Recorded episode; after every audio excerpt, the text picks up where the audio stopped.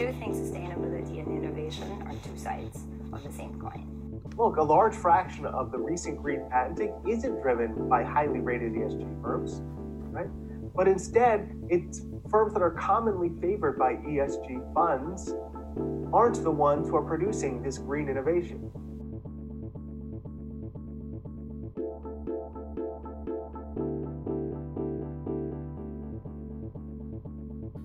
Før vi starter dagens episode av Bærekraftseventyr, Sveinung, så må vi komme med en liten beskjed til uh, lytterne våre. For det er mange som har sendt uh, e-post til eventyr.jorgensenpedersen.no, akkurat som vi oppfordrer til, med spørsmål, uh, ideer, forslag til tema osv. Uh, og mange av disse rakk vi over. Men så plutselig mista vi tilgangen til den e-postkontoen. Eh, og så etter hvert så viste det seg at hele e-postkontoen hadde blitt sletta i forbindelse med flyttinga av nettsida vår til et nytt webhotell. Med fare for å bli for tekniske. Dette betyr at mange av e-postene vi har fått av dere, som vi hadde lest, de er forsvunnet. Eh, mange e-poster som vi i mellomtida nok har fått, de har vi aldri fått tilgang til. Eh, og der kan ikke vi annet enn å beklage at denne tekniske glitchen gjør at det har skjedd.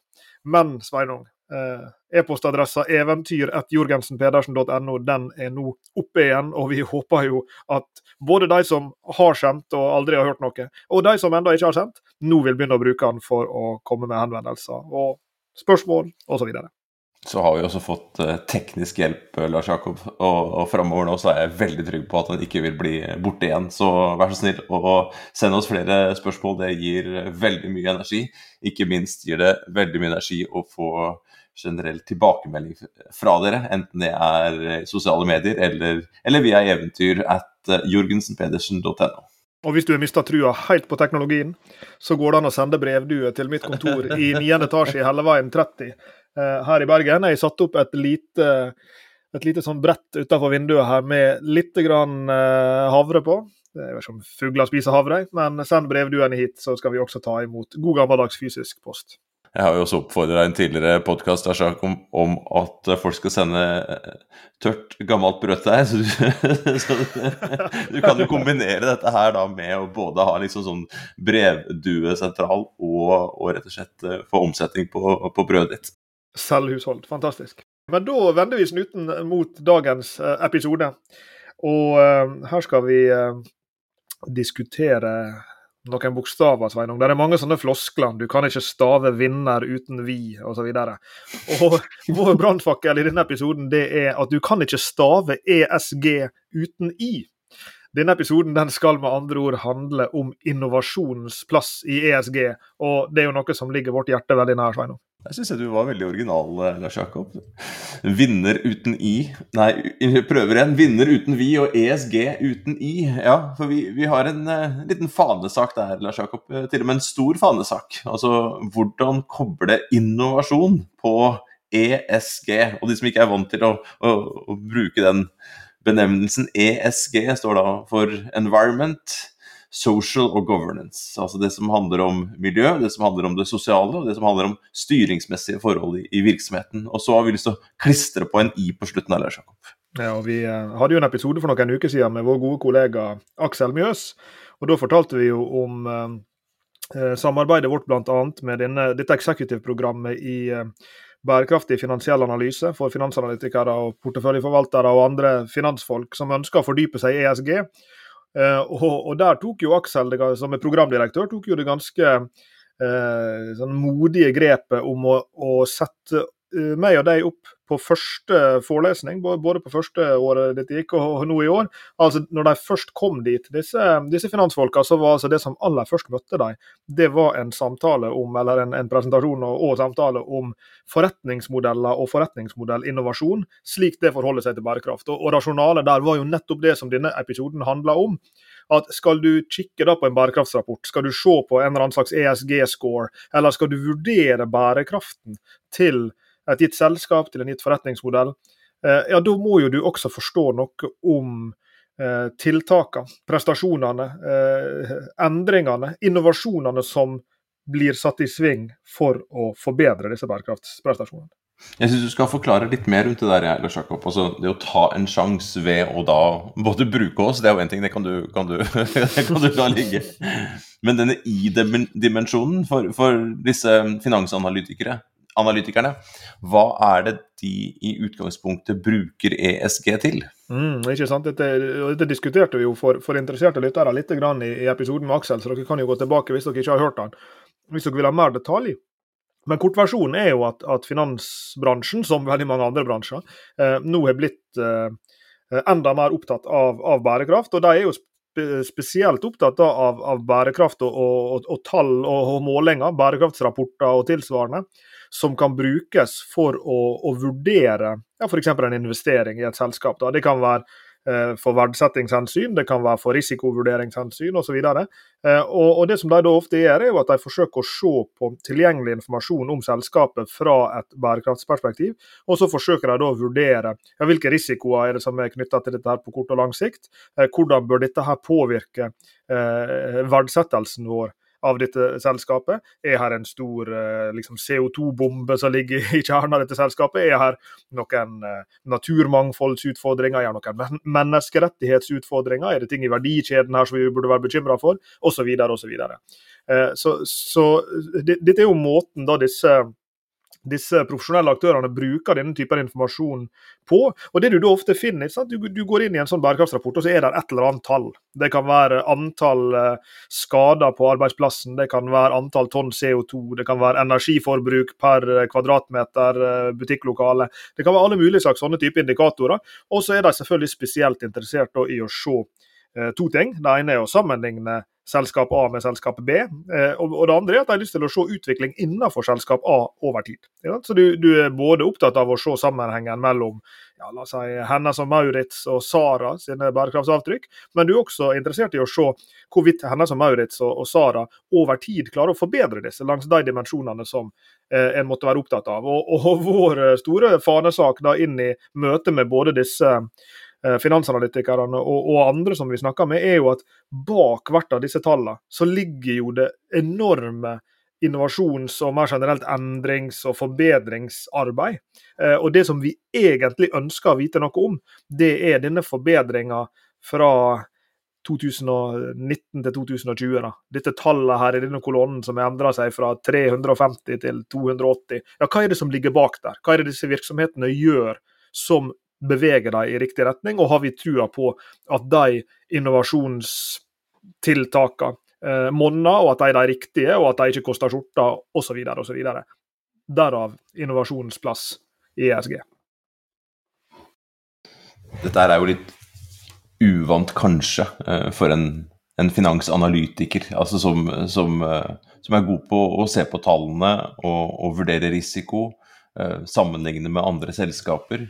Eh, men det er jo ikke bare en finansanalytikerutfordring, og, og for alt jeg vet så er jo finansanalytikere kjempegode på dette. her. Altså, finansanalytikere må jo også være gode til å se inn i, i krystallkula. Eh, til å, forstå historisk, ja. Eh, nåtiden, eh, absolutt. Men da også inn i, i framtida. For, for, hva ligger der fram i tid? Eh, det er jo mye diskusjoner i dag eh, knytta til CO2 f.eks. Og noen vil jo hevde at CO2 fangst og lagring, det, det, vil vi få til raskt i det øyeblikket markedet nå virkelig oppdager eh, inntektsmulighetene i dette her, og, og, hvor store kostnader det vil være for eh, aktører å ha et stort eh, utslipp. Noen eh, eh, finner, på, finner, opp maskiner som skal suge det ut av lufta, og så vil andre si at jo, den maskinen den ble jo på en måte eh, oppfunnet lenge før oss, og det heter trær. Eh, så hvordan da utnytte eh, trærne. Eh, vi hadde en episode før med Erik Osmundsen og han som dro dette poenget for oss etter at episoden var ferdig. Rundt nettopp CO2, prising, hva er det som vil røre seg av innovasjoner framover. Når man virkelig putter milliarder og milliarder av dollar for å løse dette problemet, ja, så vil det mest sannsynlig, kan det påstås, komme tekniske løsninger på dette. Så finansanalytikeren må jo sitte og, og se inn i, i, glasskula. Er det de riktige investeringene som, som, her gjøres? Er det de riktige problemene som blir tatt tak i? Eh, vi satt og diskuterte med Erik også etter episoden, og vi må ta en ny prat med han om dette her. Eh, hvor det kom opp dette med bio, biodiversitet. Eh, et sånn typisk E-mål. Så hva gjør virksomheten eh, i dag? Hva bør den gjøre framover? Og de tiltakene bedriften gjør, er det de riktige tiltakene. Og Der kommer jo på en måte den vanskelige i-en inn, altså det som er knytta til innovasjon, det som er knyttet til det som skal skje i, i, i framtiden, og om eh, dagens investeringer, dagens tiltak, dagens forretningsmodell er, er skodd eh, for å gå den veien eh, og nå de målene.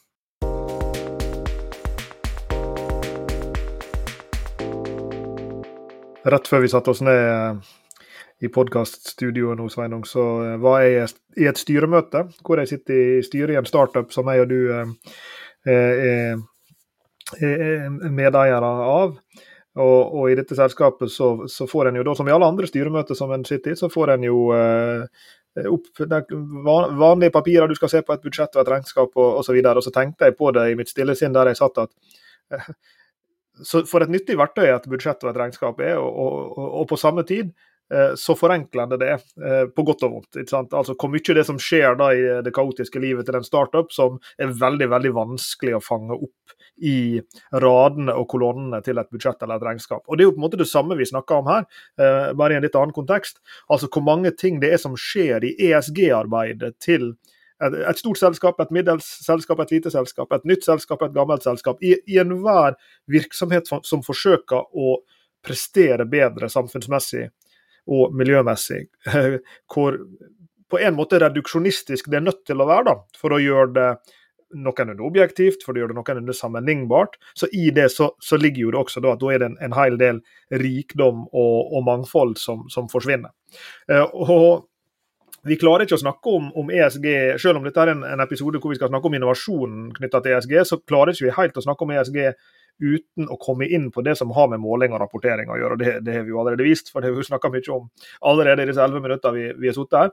Men jeg har lyst til å trekke en lang linje tilbake igjen for, uh, for lyttere som har vært med oss lenge, eller som kjenner katalogen. Så I episode seks i denne serien, som heter 'Vesentlig forvirring i bærekraftig business', så snakker vi om dette temaet vesentlighet og vesentlighetsanalyse som, som, har kommet igjen i mange andre episoder. Altså denne, eh, denne viktige prosessen som bedrift utfører for, for, å prioritere de viktigste bærekraftstiltakene som, som, de burde gjøre og som de kan gjøre, og, og som er viktig både for bedriften selv og for interessentene der ute. Og I den episoden, eh, episode 6, så diskuterte vi de ulike standardene og de ulike rammeverkene som finnes for eh, disse typene vesentlighetsanalyser. Og Den gangen introduserte vi SASPI, The Sustainability Accounting Standards Board. Eh, siden den gangen så har SASPI slått seg sammen med uh, The Integrated Reporting Council, eller International Integrated Reporting Council, eller noe sånt. Uh, og de har blitt til en uh, virksomhet som nå heter The Value Reporting Foundation. og Dette her henger jo sammen med denne harmoniseringa av, av sånne rapporteringsverktøy som, som pågår. men SASB som fenomen finnes fortsatt innenfor her. og De opererer med noe som de kaller The SASB Sustainability Dimensions. Altså hva er dimensjonene av bærekraft som vi burde bry oss om. Eh, og, og, dette treffer jo oss midt i uh, hjertet, for de opererer, selv om de snakker om ESG, så opererer de likevel med en slags kake, kakediagram som har fem kakestykker. Uh, og, og, Der snakker de om the five sustainability dimensions. Uh, og Den første det, det er én, den heter environment. Og så har de to kakestykker som til sammen utgjør S-en, eh, som er det sosiale. En som de kaller for social capital, og en som de kaller for human capital. og Det kan vi veldig grovt sett se på som kall det sosiale, menneskelige påvirkninger som er henholdsvis utenfor og innenfor virksomheten. Altså På den ene sida, ja, hvordan påvirker vi de som er ansatt hos oss, de som vi i en viss forstand har et ansvar for og en kontroll over innomhus. Og, og det andre det er jo da de samfunnsmessige påvirkningene som ligger utafor. Det er jo også en interessant inndeling, syns jeg, disse to. Eh, så er det da denne tredje som går på, på, governance. De kaller det for leadership og governance. Hva slags styringsmessige eh, grep er det virksomheten tar for å, å sikre at disse her eh, E-ene og S-ene oppnås, de målene de har der. Men så har de altså en femte bærekraftsdimensjon som handler om business model and innovation, som de kaller det. Så, så i dette her, og det er et underkommunisert poeng, syns jeg. fordi det, det, er veldig veldig sjelden snakk om denne innovasjonsdimensjonen når du snakker om folk med bærekraftsrapporter og bærekraftsrapportering og, og måling. Men dette er altså en eksplisitt femtedel av måleapparatet og rapporteringsapparatet. Hva er det denne virksomheten gjør med hensyn til innovasjon? Og det er jo i tråd med det som vi argumenterer for Sveinung, at dette trenger vi mer av. Du nevnte dette med regnskap, eh, Lars Jakob. Det er så lett å, å sitte da på et styremøte som du sier, og, så, og, se på regnskapet. Se på den elegante oppstillingen av inntekter og, og kostnader. Eh, balansen som, som viser eh, hva man eier og, og, hvordan det er finansiert. Og så kan man oppsummere små virksomheter eh, som, som, som, som, vår, altså en, oppstartsbedrift. Og man kan, kan oppsummere store, etablerte virksomheter. Eh, I tillegg da med, med fotnoter. Og, og, disse finansanalytikerne er jo helt rå på å lese den type informasjon. De kan se på et regnskap eh, og gå inn i, i fotnotene og, og virkelig røyke ut hva er kjernevirksomheten her, hva er problemer som kan ligge eh, å vake eh, og, og, plutselig hoppe opp og, og bite deg i nesa. Eh, og Det er jo lett å tenke på, på, regnskap og det er lett å tenke på all alle andre fag vi har rundt oss som noe som er statisk og alltid vært der, men dette her er jo vært eh, ting som har vært utvikla over tid. Jeg husker ikke referansen i, i, farta på hvilken bok det var, men det var fryktelig fascinerende. Det var regnskapets historie. Jeg trodde aldri skulle forelske meg i det. ja, men sånn seriøst, altså. Det er årets julegavetips for lytterne der ute, altså? Nei, men altså, det der, den, eh, Venezia vært så heldig å, å være der og, og, og tusle gatelangs, eller, eller helst å si, svømme kanal langs. Så, så eh, altså over tid, da, rundt eh, type 1300-1400-1500-tallet, så utvikler det seg da, dobbelt bokholderi, eh, debet og kreditt. Alt det der greiene som vi, vi, på en måte tar for gitt. Og, og, og, det er jo det som ligger til grunn for at man kan ha disse systemene og lovverkene som ligger der. Og så, og så beskriver du her nå da denne utviklingen av et slags regnskap, et, et, eh, en, en, måte å telle, veie, måle, eh, vurdere alle de andre kall det mykere dimensjonene enn de økonomiske. Da, det som handler om det sosiale, som du, som du nå beskrev, eh, det miljømessige. Alt det som går på styringa, og nå da i tillegg dette her for innovasjon. Og vi, vi kan vel ikke si at vi per i dag helt har et, et språk vi har, ikke, vi har ikke flere hundre års erfaring, sånn som man har på, på, på regnskapet. da, eh, Og utvikling av alle slags type systemer og harmonisering over tid og lover og regler. og Det, det her er jo liksom, det er vevd inn i, i, i kulturen vår eh, over lang, lang, lang tid, og vi tar det veldig for gitt at, at, sånn er det. Så kommer det utviklinger, og så tuller jo finansfolka med regnskapsfolka og sier den største innovasjonen som har skjedd der, er jo at man har bytta, rekkefølgen på hva blir det, anleggsmidler og omløpsmidler i balansen. Det er sånn, way, sånn stor innovasjon. Eh, men allikevel, over tid så har det skjedd eh, store ting, og nå, og nå kreves det tenker vi, tenker andre, at hvis man skal kunne løse bærekraftsproblemet, så trenger man et like effektivt språk og system for, for, eh, for ESG-dimensjonene. Eh, e og så I tillegg så trenger vi også å trekke inn IN. og Så blir neste spørsmål Jakob, hvordan i all verdens navn og rike skal man gjøre det? Men ESG er jo vanskelig nok. det er her og nå, det er bakover. Men hvordan vurdere da i-en oppi dette her. Hvordan vurdere det som kommer eh, framover for den eh, aktuelle eh, bedrift, i den aktuelle bransje. Og du nevnte SASBY. Og, og, Går man inn på SASBY eh, sin, eh, sin, nettside, så kan man se en oversikt over 13 bransjer som er delt opp igjen i underbransjer. Eh, der kan man se for, for hvis jeg husker i, riktig i farta, ting knytta til, til varehandel, til transport, former for industri, finans. Og så kan man se på underkategorier der, og så kan man se da knyttet til E, S, G og I.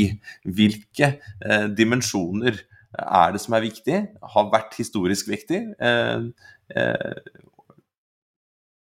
og eh, hva er det man tenker kan bli viktig framover. Og så er det jo kommet opp i det, i det, i det siste, da, i utviklingen av dette, dette eh, bærekraftsrapporteringen.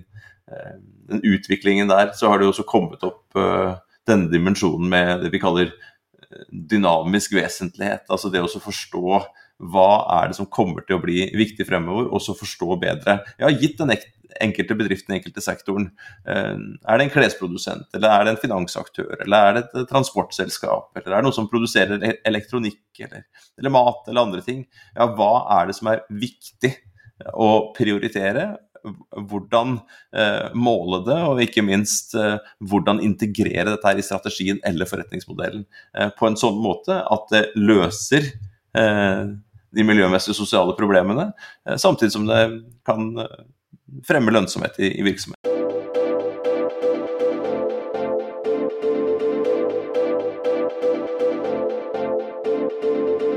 Er interessant det siste du sier der, på en slik måte at det løser. Altså med andre ord, det du ønsker Når vi snakker om innovasjon, innovasjon skal jo gjøre ting bedre.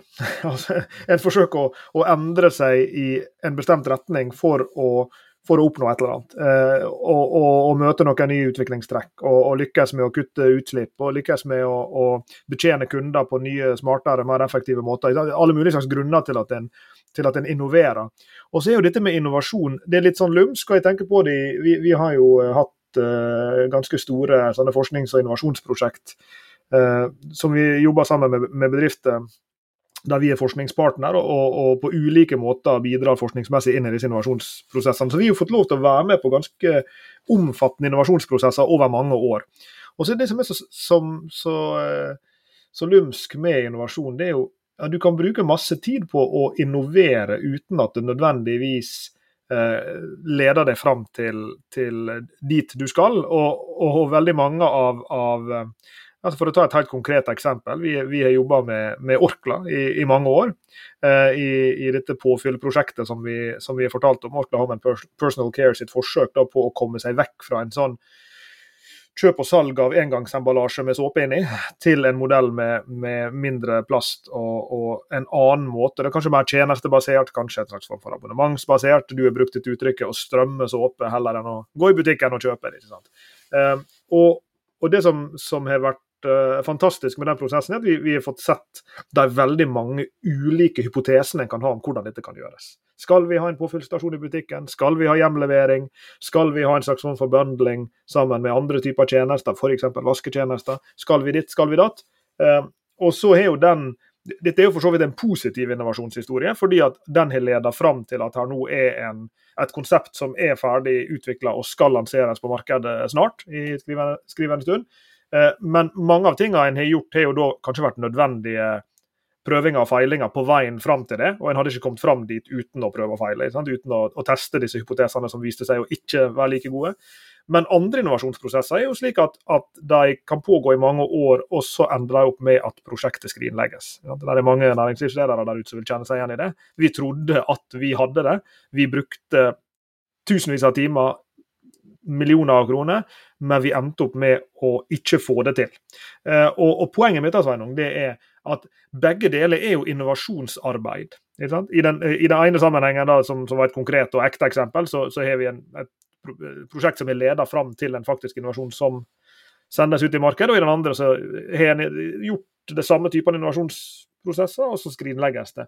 Men begge deler vil jo du kategorisere som at ja, her har det skjedd et innovasjonsarbeid. Det er bare ja, tilfeldigvis, eller av en eller annen grunn da, slik at det ene blir vellykka og det andre ikke. Så, så, det som jeg vil fram til er at Når du skal forsøke å måle da, og rapportere på innovasjonsarbeid, ja, hvordan, hvordan få en liksom, indikasjon på gjør denne bedriften de rette tinga? Er de på vei dit de burde? Eller er det bare at her er det satt opp en innovasjonslab borti et hjørne, og der holder folk på? på godt og vondt. Skjønner du spørsmålet mitt? ESG og, og i innovasjonsdelen. og det, Jeg liker godt at du, at du går konkret til verks her med, med, et selskap eh, med noen utfordringer. og så, så, sitter jo disse analytikerne på andre siden og så skal de vurdere det. Er dette her positivt eller negativt for virksomheten? Er det, er det de riktige tingene som er identifisert her? Er de, har de klart å, å, å prioritere de plast i dette tilfellet? da? Eh, og er påfyll eh, den riktige måten å gjøre det på. Her er det også spennende, som du kan lese ut av, av eh, annonseteksten til den nye administrerende, altså stillingen administrerende direktør i, i dette eh, selskapet som skal være en, en, en del av Orkla Home and, and Personal Care så, så, så, kan man jo lese at eh, andre aktører utenfra skal være involvert. altså Æra og, og Bakken og Bekk er også på, på eiersiden. altså De har åpnet opp for, for samarbeid. Eh, samtidig så kan man lese det at eh, dette her vil ikke bare være et sånt påfyllssystem nødvendigvis for Orklas egne produkter. Det skal kunne også være et generisk påfyllssystem hvor også andre, til og med konkurrenter, kan bruke den samme teknologien, kanskje til og med de, de samme beholderne, for å distribuere sine, sine, varer og tjenester. Og Så kommer det jo problemstillinger rundt der med hvem skal levere, vil det bli dyrt å levere det, vil det være attraktivt, er det priset riktig? Så her er det jo er det gjort eh, tiltak i virksomheten fordi at man ønsker å redusere fotavtrykket. Man ønsker å være attraktiv for kundene. Man ønsker å, å gjøre det mulig for, for kunder å være um, sånn zero wastere uten at de er nødt til å gå helt uh, til denne, uh, denne påfylls... Altså disse her zero waste-butikkene som finnes i noen, noen, få byer i Norge, med sine egne glass, hvor man fyller på, på havre eller såpe eller, eller hva noe det måtte være. Eh, men at dette skal på en måte industrialiseres og skaleres og gjøres på, på en sånn måte. Og Da skal jo da eh, analytikeren da vurdere dette her. Er det lurt å åpne seg eh, og begynne å samarbeide med konkurrenter? Er det lurt å, å lage et eget datterselskap her sammen med andre aktører på, på, på eiersiden? Hva vil dette her Eh, gjøre med den eh, eksisterende forretningsmodellen til, eh, til, til, Orkla i dette tilfellet. Orkla Home and Personal Care, som driver med, med, med såpe og, og, disse tingene. Men hvilke positive, eventuelt negative konsekvenser kan det ha forretningsmessig for hele virksomheten? Hvis, hvis man ikke skal gå gjennom butikkleddet i så stor grad som man har gjort før, men også åpne opp for mer direkte kontakt med kundene. Så, så her er det både sånn reinspikka Eh, forretningsvurderinger, men også har man da i tillegg disse miljømessige og sosiale eh, vurderingene her. Vil det skape mer eh, arbeidsplasser f.eks. sosialt? Vil det, vil det, føre til større utslipp fordi at man skal ha en rekke biler som skal kjøre rundt til, til enkeltkunder og, og, og levere det. Eh, så her er det en sånn, det er en vurdering da som må gjøres. og Her har vi jo snakket med, med analytikere Lars Jakob, i, i, den studien vi gjorde. Så satte vi oss ned med analytikerne og spurte ok, når dere leser bærekraftsrapporter, hva, hva tenker dere om den informasjonen som er der? Er den nyttig? Eh, klarer bedriften å velge ut de riktige tingene? Eh, klarer de å se inn i, i, i glasskulen og, og, og, så vise den usikkerheten som kan ligge rundt disse investeringene? Så jeg syns vi skal ta en liten prat om den artikkelen, både bakgrunnen for den hva vi har funnet. Uh, vi pratet om det med Aksel i en tidligere episode, men, men her knyttet denne I-bokstaven i, i ESG og I. Ja, og Det kan hende vi skal vende tilbake igjen til den igjen. Kanskje skal vi gi en hel episode til den. Jeg synes vi skal ta litt kortversjonen her. for den, Denne artikkelen som heter 'Sustainability Reporting and Approaches to Materiality', som vi skrev sammen med, med Aksel Mjøs, som da er kollegaen vår og gjest i en tidligere episode, eh, den tar altså for seg vesentlighetens plass i, i bærekraftsrapporteringa, og hvor viktig det er da at den målinga og rapporteringa som skjer av samfunnsmessige og miljømessige eh, fotavtrykk, men også da disse governance-messige og disse innovasjonsmessige forholdene som er, vil informere en leser av en sånn rapport om hva er det som skjer, hva er det virksomheten gjør for å håndtere disse tingene. her. Eh, at Der er denne prioriteringa av vesentlige hensyn helt sentral. Eh, og, og Studien vår den starta jo som en, som en litt sånn konseptuell ut, utgreiing og utforsking av ulike måter å tilnærme seg vesentlighet på, såkalt eh, double materiality, der du har Eh, den, sånn finansielt orienterte eh, vesentligheten på den ene sida. Hva er det som lønner seg for bedriften å håndtere? Eh, og, og denne mer sånn impact-orientert eh, vesentlighetsperspektiv. på den andre sida. Altså hvilke bærekraftstiltak er det som virkelig har positiv impact, virkelig positiv påvirkning på samfunn og miljø. Det er jo to ulike, men komplementære måter å tenke vesentlighet på. Men så brukte du ordet i stad dynamisk vesentlighet, dynamic materiality, og det har vi argumentert for i flere tidligere episoder om at, at det er en, et viktig utviklingstrekk i nyere, i nyere tid innenfor både bærekraftrapportering og, og, i bærekraftig finansiell analyse. Nemlig denne ideen om at ja, en ting er å se seg i speilet, hva er det som har vært viktig så langt? men et uh, vel så viktig spørsmål ja, hva er det som kommer? Hvilke ting er det vi må være obs på nå? Uh, og Du nevnte naturmangfold her i stad, som jeg tror ikke en vil få veldig godt betalt for å gjette at det kommer til å stige på vesentlighetskarta til virksomheter virksomhet i veldig mange ulike bransjer i årene som kommer. Vi ser at det kommer allerede, eh, og vi har vel sagt det før at vi kanskje forventer at det blir som en slags ny, ny CO2- eller klimagassbombe her som ligger i dette naturmangfoldsproblemet, som, som, som vokser i, i viktighet. Og dette dynamiske, det var jo noe av det som som vi utforska også i denne artikkelen. Og når vi da satte oss ned og begynte å både intervjue disse folka kvalitativt i, i samtaler, men også vi kjørte en, en, en survey på, på, disse ulike interessentene i, i, finansmarkedene her i Norge for å røyke ut hva slags forestillinger har de om vesentlighet, og, og hvordan tenker de om sammenhengen mellom vesentlighet og, og en del sånne egenskaper vi er opptatt av. Liksom, hvor god er kvaliteten i en, i en, um, i en bærekraftsrapport, hvor tilgjengelig er informasjon osv. Så, videre, så var det jo en, en overveiende uh, flertall av disse her som mente at vi trenger mer og bedre informasjon om den dynamiske vesentligheten. Og Det er jo en annen måte å si, spør du meg, at vi trenger å vite mer om denne innovasjonsdimensjonen. Altså med andre ord? En ting er at bedriftene begynner å få kontroll på de problemene de har her og nå. Men hva gjør de i dag for å ruste seg for problemer som kommer i morgen, eller problemer som må håndteres i morgen? Eh, og Det er jo det eh, denne I-en i ESG handler om. Altså at ja, OK, vel og bra, her har det vært noe bakover, vi ser hva du har gjort der. Det er noen ting som er viktig nå, vi ser hva du gjør med deg. Men, men kan, du, kan, du, gi oss bevis på på et vis, at du gjør ting i dag som gjør deg til et bedre selskap i 2025, i 2030? Til et mer bærekraftig og samtidig lønnsomt selskap i 2025 og 2030? Høres ikke enkelt ut. Nei, du. Ja, vi, vi, har sagt, ja, vi, har jo sagt det mange ganger. Altså, altså, bærekraft, bærekraftig business er hardt arbeid. Ja. Eh, og hardt arbeid det lønner seg dessverre ikke, ikke alltid. Så, så, hva skal man gjøre, da? Eh, og hodet mitt og hodet vårt eh, går da raskt tilbake til, til start. Raskt tilbake til forretningsmodellen igjen.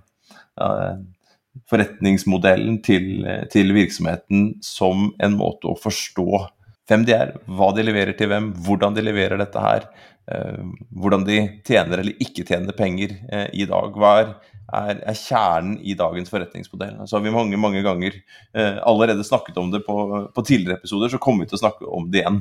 Denne erkjennelsesprosessen.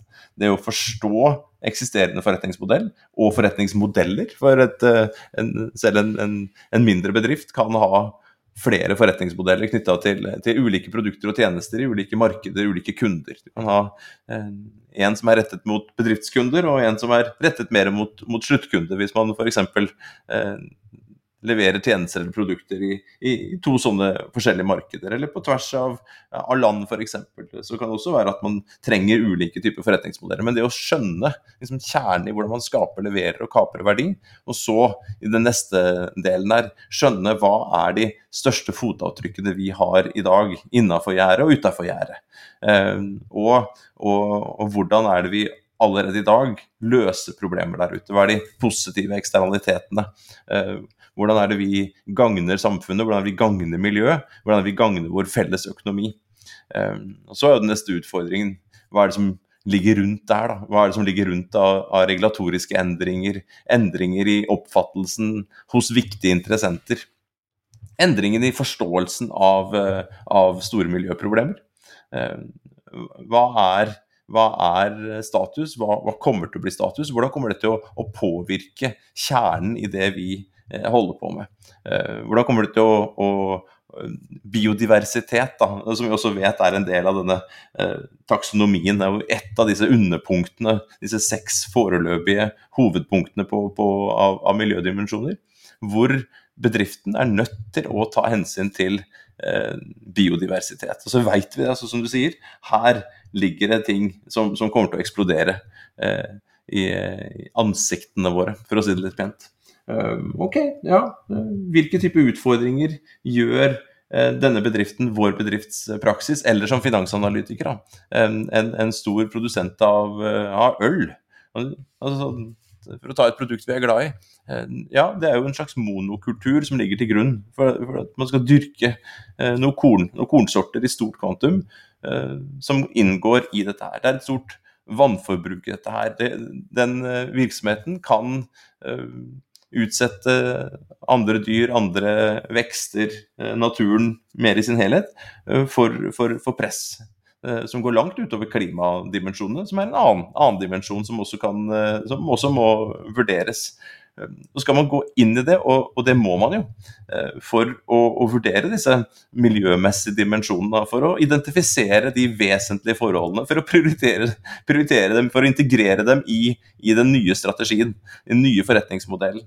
Og etter hvert også rapportere på det og, og, og gi interessentene rundt informasjon om hva man har gjort, hvorfor man har gjort det, hvordan det går, hva man tenker eh, framover rundt dette her. Og Da er vi jo fra erkjennelsen Lars Jakob, og inn igjen i, i utforskingen. Så, så, hvilke muligheter er det for en ølprodusent da, å, å, å, å redusere sitt fotavtrykk? Er det da, uh, i stedet for at folk skal sende brød, brød hjem til deg at, uh, De må gjerne sende øl hjem til deg. Ja, ja, ja.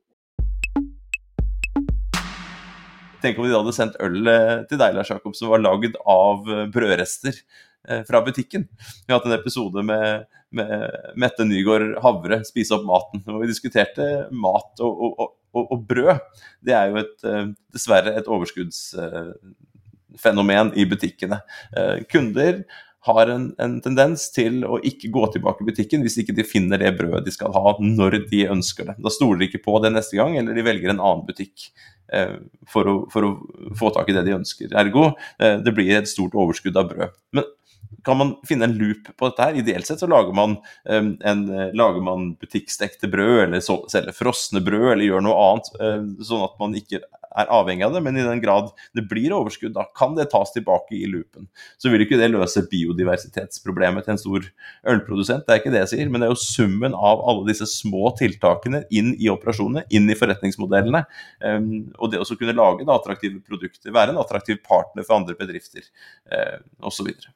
Men la oss snakke litt mer om øl, Sveinung. Fordi når vi, når vi bruker Eller når vi skal introdusere bærekraft som tema, og, og i samme forelesning eh, vesentlighet som tema, til masterstudentene våre i Sustainable Business Models på NHH, eh, så bruker vi jo øl, ikke bare fordi det er produktet de kjenner aller best, men, men også fordi at eh, Carlsberg sin bærekraftsrapport, som jeg lurer på om vi har nevnt tidligere i denne podkastserien, den starter jo nettopp med forretningsmodellen. eller Der er en liten sånn executive summary på de første sidene, men så kommer det en side hvor her er forretningsmodellen vår, og det valgene vi tar knytta til den forretningsmodellen som alle bærekraftsavtrykkene våre strømmer ut fra. Sier de mer eller mindre. De artikulerer ikke akkurat sånn, men det, men det er det som på en måte er det implisitte narrativet i den bærekraftsrapporten. og Det syns jeg er forbilledlig.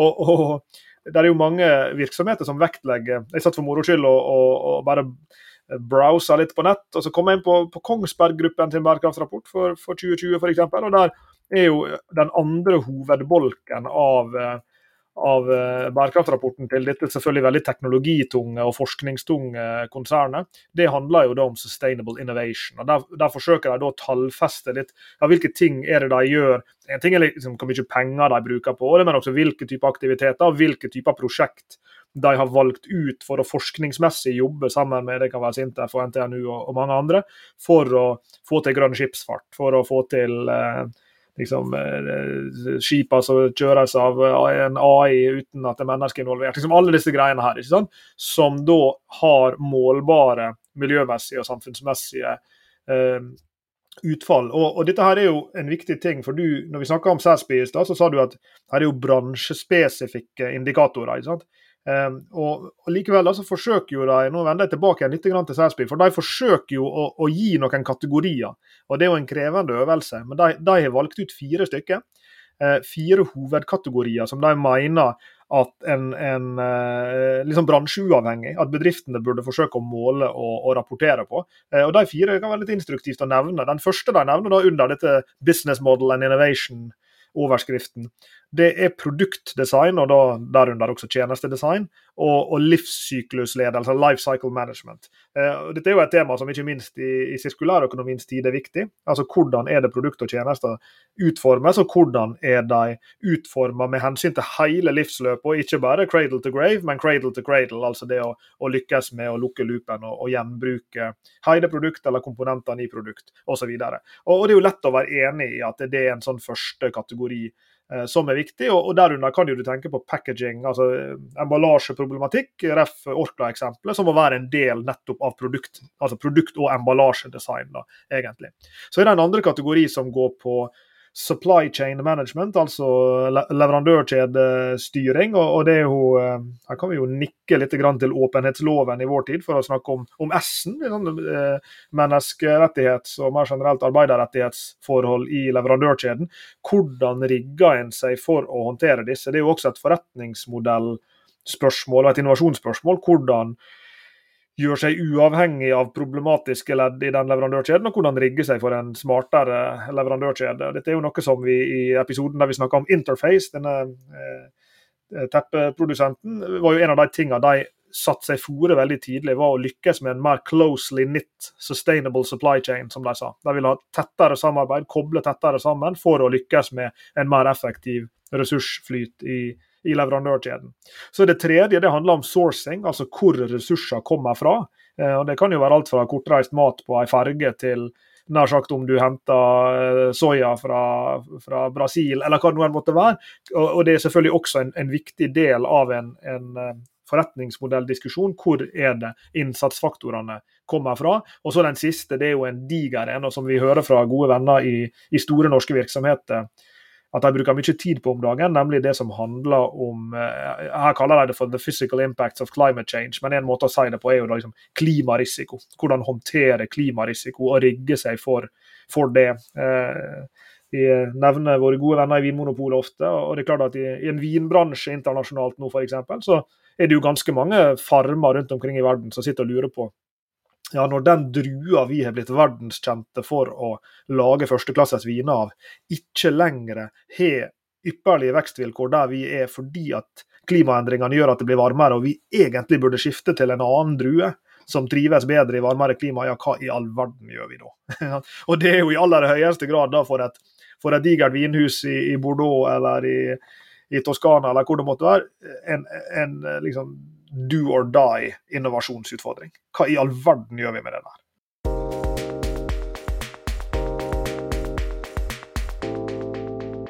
Jeg tror vi må prate mer om dette her en annen gang, eh, Lars Jakob. Denne i-en. For det gjør litt vondt, kjenner jeg. Eh, og den smerten kan vi jo overføre til en, eh, til en ny episode en dag. Det er litt vondt at man snakker om liksom, de store miljøproblemene, de store sosiale problemene regnskapet, eh, rapporteringen for bærekraft i det hele tatt, og så begynner vi å snakke om innovasjon, så hadde det jo liksom vært så deilig om vi hadde, liksom hadde funnet de der store, altovergripende innovasjonene våkna en, en, en, morgen, og så hadde noen løst uh, hele klimaproblemet. Ved um, å, gått fra, fra, olje til, til uh, fornybar over natta, eller sugd ut CO2-en fra enhver liten utslipp, og, og, brukt det på, på fornuftige måter. det vi ser.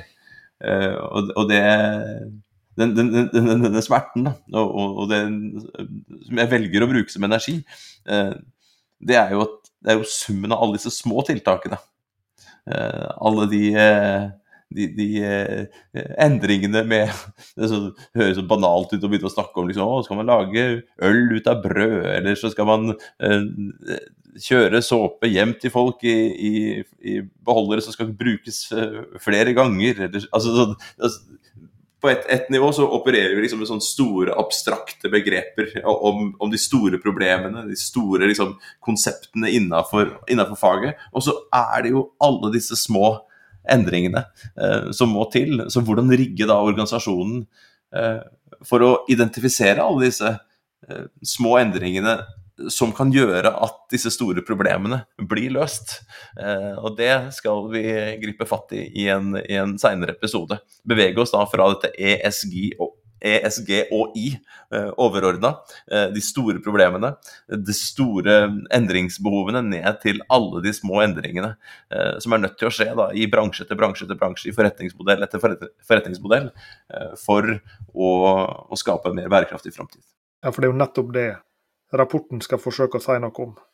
Er denne virksomheten på riktig vei? Fokuserer de på de rette tingene? Lykkes de med de tingene de gjør, og iverksetter de tiltak som er egnet til å få dem dit i den riktige farten? Og Det spørsmålet klarer ikke vi å gi et utfyllende svar på på 44 minutter, men vi har i alle fall reist problemstillinger. Vi har gravd oss ned i noen av, av dimensjonene av ES, ESG-en og IN, eh, og det lover vi å fortsette med også i fremtidige episoder. Så takk for praten, Sveinung. I like måte. Du har hørt på Bærekraftseventyr med Jørgensen og Pedersen. Send e-post til eventyr.krøllalfa.jorgensenpedersen.no for å stille spørsmål eller komme med forslag til tema for fremtidige episoder. Og besøk jorgensenpedersen.no for mer informasjon om denne podkastserien. Derfra kan du også fortsette samtalen med oss i sosiale medier på Twitter, Facebook, LinkedIn, YouTube og andre steder.